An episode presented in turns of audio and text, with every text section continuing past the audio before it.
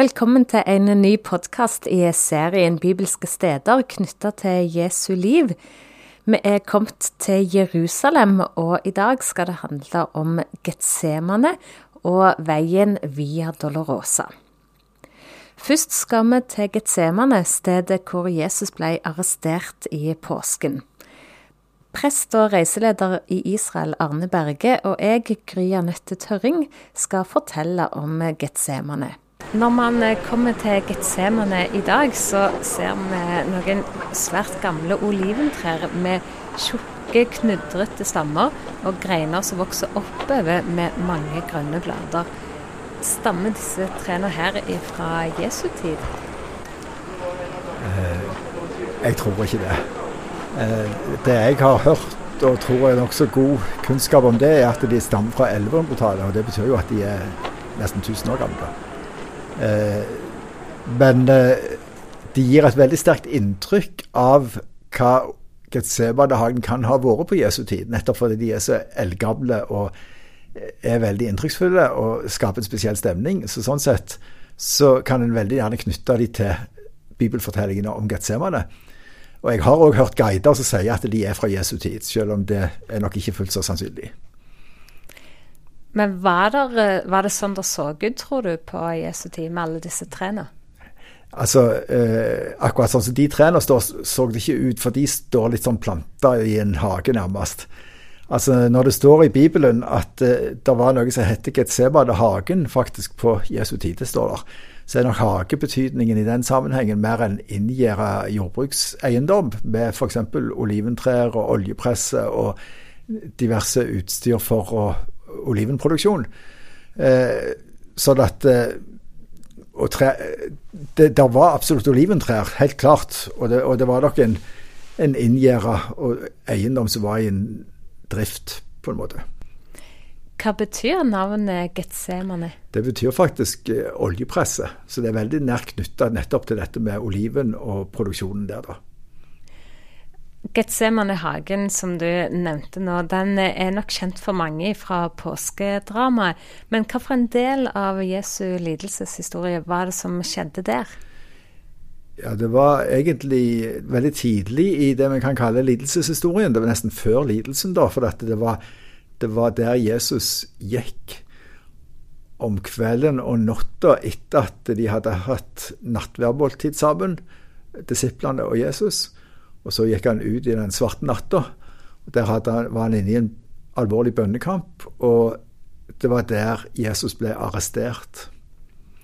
Så det er egentlig der da lidelseshistorien sånn sett kan vi si begynner. Noe som jeg av og til lurer på, det er jo hvordan kunne disiplene klare å sovne?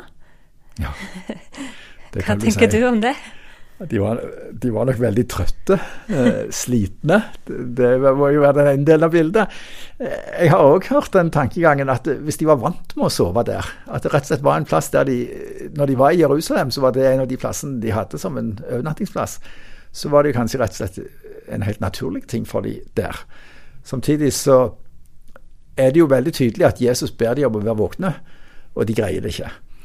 Eh, så det går det jo an å forstå på mange måter. og Det kan òg være en, et bilde på at vi rett og slett ikke greier å følge Jesus helt inn i, i lidelse og død. At vi må, våre menneskelige begrensninger de er med òg i den sammenhengen. Kan det være de ikke òg forsto alvoret i hva som var i ferd med å skje? Det tror jeg ikke de forsto. Nei, det, fordi eh, det var så eh, sikkert utenfor det de tenkte seg, det at Jesus skulle bli arrestert. Og de hadde nok hele tiden et håp om at ting skulle gå godt. Og de hadde jo vært vant med at ting gikk godt sammen med Jesus. Så eh, nei, jeg tror det var vanskelig for dem å forutse. Jesus sjøl hadde jo sagt tre ganger til dem at han skulle dra til Jerusalem, og at han måtte lide og dø. At han skulle overgis til til lederne i byen og sånt, men jeg tror ikke det hadde gått inn. En del av Getsemane er i dag en inngjerda eiendom som kalles Den private hagen. Og her kan man bestille tid og være for seg sjøl.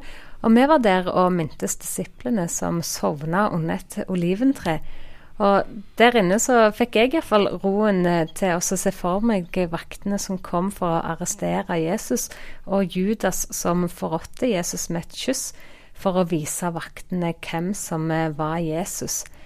Eh, var Jesus der andre ganger enn akkurat i påsken? Ja, det kan vi helt sikkert gå ut ifra. når det står i, i Bibelen at Jesus og disiplene gikk der nettopp denne kvelden etter nattværen, så står det i samme slengen at eh, de var vant med å gå der, og derfor så var det òg Judas og de han hadde med seg, eh, fant Jesus på den rette stedet.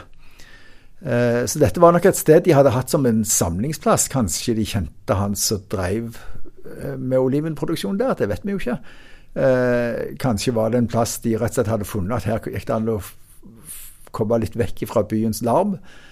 Um, og sånn var det nok du òg opplevde når vi var der, at det var et fredelig sted. For denne inngjerda delen av dagens Getsemane den er ganske stor, og den er veldig stille i forhold til det som skjer rundt, der det er massevis av turister hele dagen.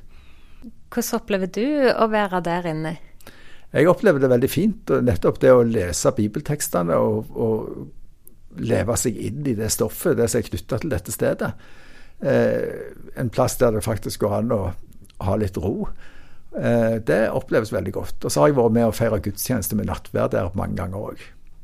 Vi skal fortsatt holde oss i Getsemane i denne podkasten om bibelske steder knytta til Jesu liv. Men nå skal vi til ei kirke som er bygd der, til minne om da Jesus ble arrestert i påsken. Sist vi snakket om eh, Getsemane, så fortalte vi om noen eh, gamle, knudrete oliventrær. Eh, og på det samme stedet så står det ei kirke som heter Alle nasjoners kirke. Og på trappa der sitter ei turgruppe og synger.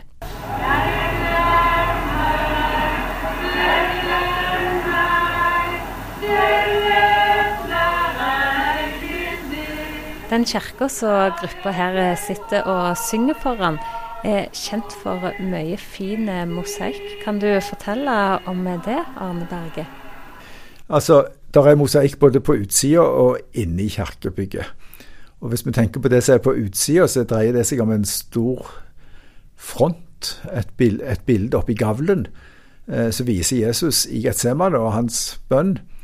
Um, og dette er, altså Denne kirka er nok det som folk flest forbinder med Getsemane. Og den er synlig fra flere plasser og er veldig tydelig med dette store motivet. Eh, hvis vi da går inn i kirka, så er det eh, mosaikk både i gulv og i tak og i vegger, og det er ganske fantastisk. Eh, det er veldig dunkelt inne i kirka, men belyst på, mot framover mot eh, alterveggen. Og Der er det tre store mosaikkbilder. I midten så er det Jesus på en stor stein, eh, der han ber og har sin bønnekamp.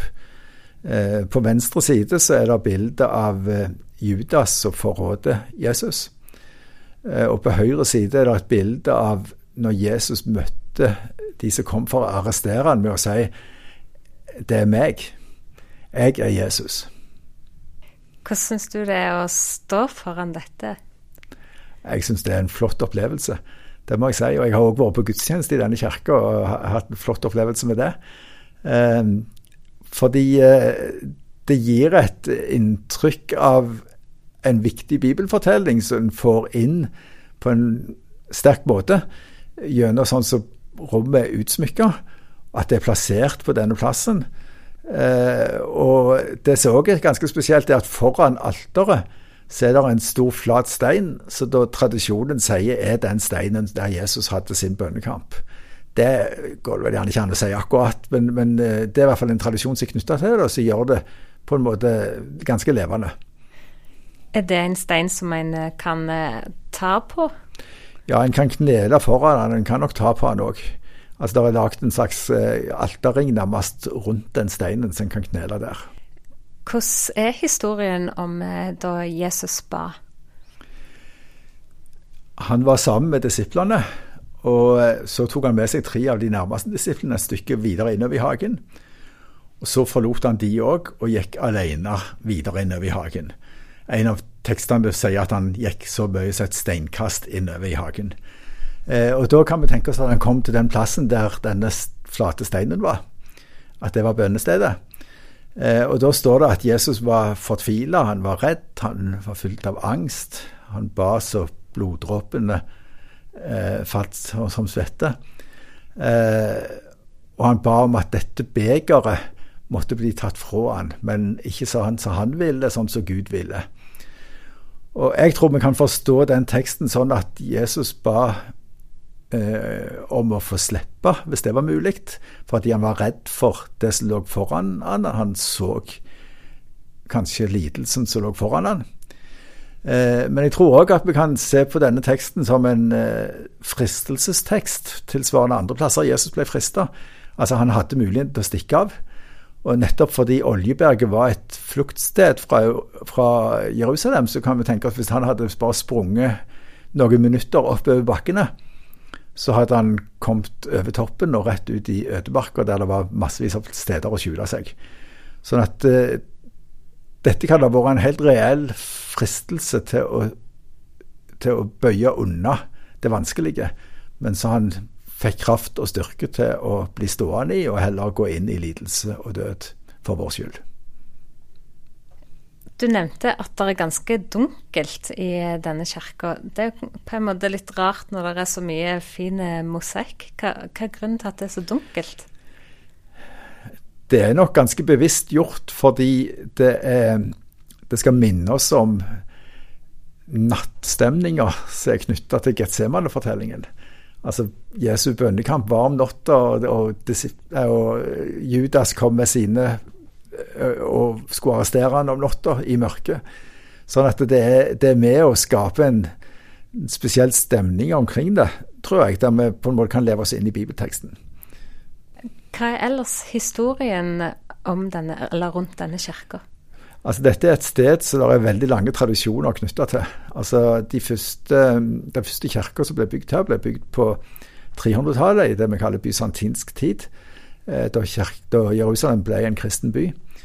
Eh, og der er ruiner og murrester etter den kirka, og etter en ny kirke som ble bygd etter at den hadde blitt ødelagt og blitt gammel.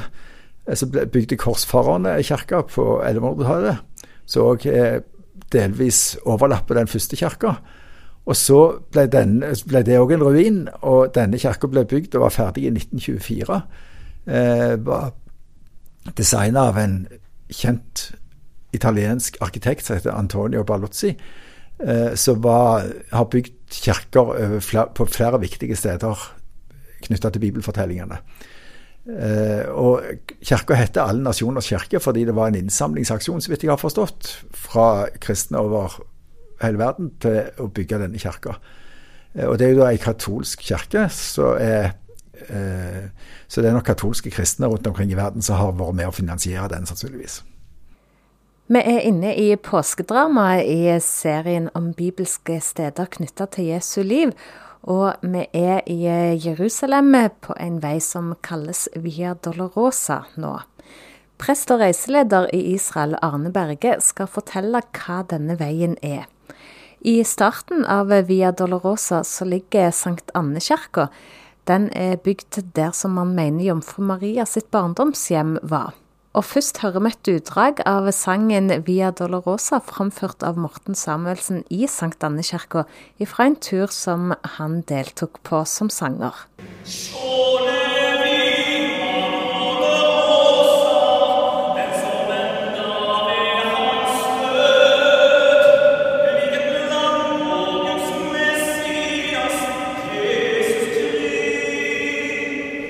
Via Dolorosa det er navnet på ei gate i gamlebyen i Jerusalem. Eh, og kanskje den aller mest berømte gata. Eh, vi kan tenke oss at Oslo har sitt Karl Johan som det mest kjente gatenavnet. Eh, I eh, Jerusalem så er dette ei vei som er knytta til Jesus og til lidelseshistorien hans. Eh, vi kan kalle det for smertens vei, lidelsens vei, oversatt til norsk. Eh, og dette er da en vei som snor seg, og rett og slett kan være vanskelig å finne innimellom ja, det er trange smau, delvis overbygd, eh, imellom gammel bebyggelse. Eh, der er massevis av små butikker eh, langsmed den. Mye knytta til tilreisende, så det er suvenirbutikker og den slags ting, men det er òg andre ting. Eh, og der ligger mange små kirker og kapeller langsmed denne veien. For han har jo en helt spesiell historie knytta til Jesus. Det høres jo ikke helt ut som, eh, som at det er vel, noe veldig hellig over dette stedet hvor, eh, hvor Jesus eh, gikk når han skulle korsfestes. Mm. Men det var vel ikke så mye hellig over stedet når Jesus ble ført fra Pilatus til Golgata blodige etter pisking og med korset ikke greide å bære sjøl. Eh, det var jo sikkert kaos av folk der òg rundt. Så sånn sett så kan du gjerne si at det ikke er så annerledes. Hva er det man kan gjøre langs Via Dolorosa? Det som er, altså Kristne som reiser dertil og går denne veien, de prøver gjerne å sette seg litt inn i ulike faser i eh, Jesu vei mot korset. Eh, og det har egentlig denne veien da lagt opp til ved at det er 14 stasjoner så som hver har sitt tema knytta til lidelseshistorien eh, underveis på denne veien. Så det, vi kan si det er en andaktsvei. Eh, første stasjonen da, det er at Jesus blir dømt. Eh, så er det stasjoner om at han får korset at han eh, faller under vekten av korset flere ganger, faktisk. At han møter Simon fra Kyrene. At han, eh, der er kvinner som gråter over han, som står langs med veien. Og så eh, er de siste stasjonene inne i gravkirka, og der er de knytta til det som skjedde på Golgata. Sånn at eh, 13. stasjon er at Jesus dør på korset, og 14. stasjon er at han blir lagt i grava. Er dette et sted som du gjerne går når du har med deg grupper? Ja, absolutt. Eh, det er det. Og jeg har òg gått opp altså, på egen hånd, og jeg har vært med på eh, Prøvd å følge grupper som går der. Altså, der er Hver dag så er det grupper som går der. Og, og Det kan være folk tilreisende, men det kan òg være lokale kristne. Men, men, det som er fast, er at hver fredag klokka tre så er det et, liksom en oppstart av ei gruppe som alle kan henge seg på.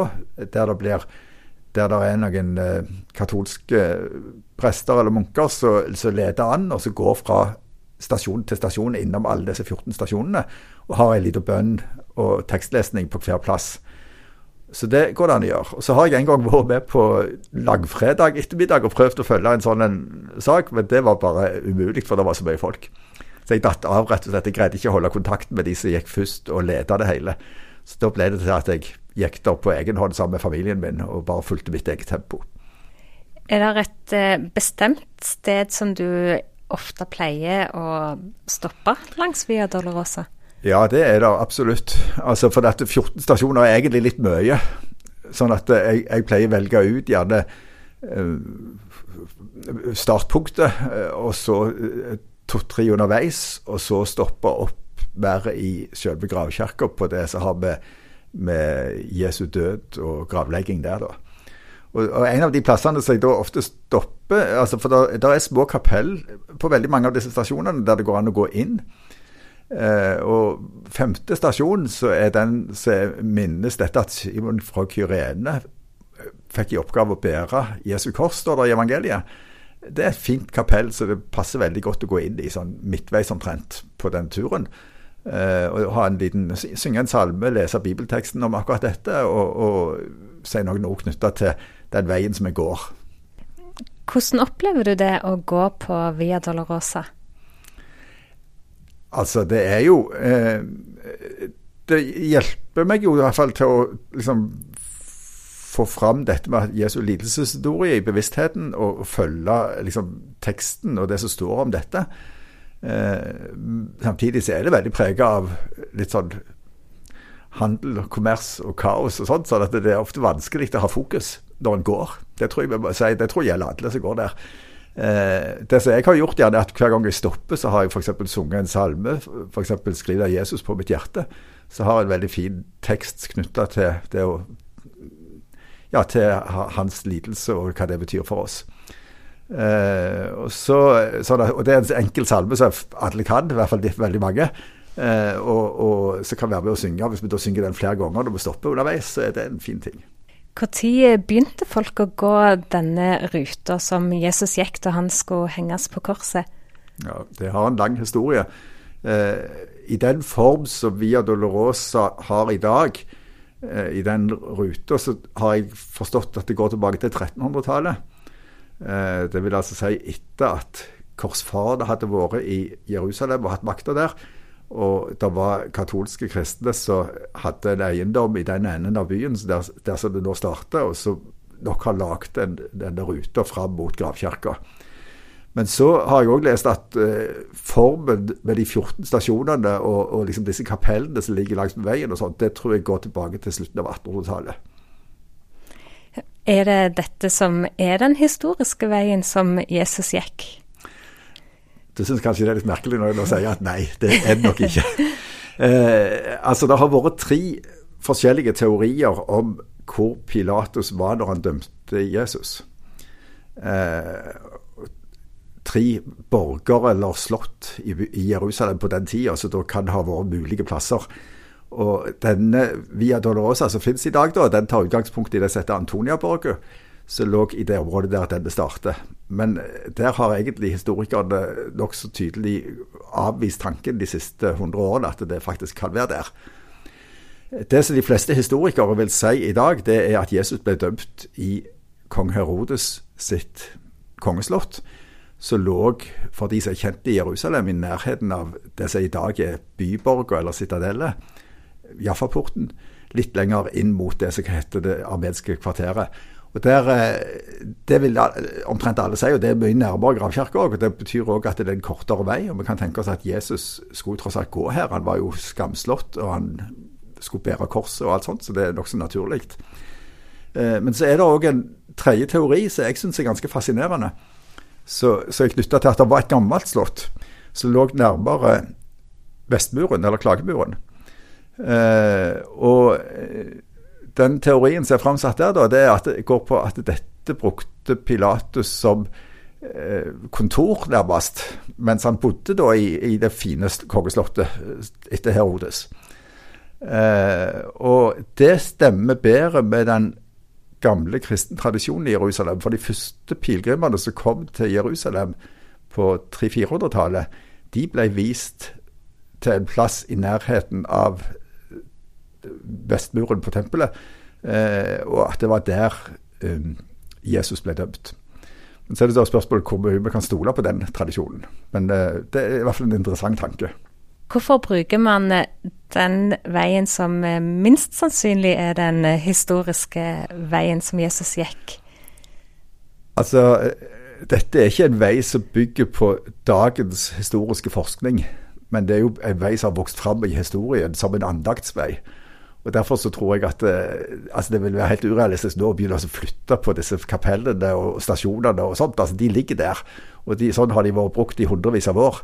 Eh, men så har jo den historiske forskningen har jo gjort store framskritt de siste hundre årene, kan vi si. Så, så, det er jo litt andre måter å tenke på, og litt annen teori omkring hvor ting har skjedd og sånt. da. Men først og fremst altså, fordi dette er en andaktsvei som har vokst fram gjennom historien.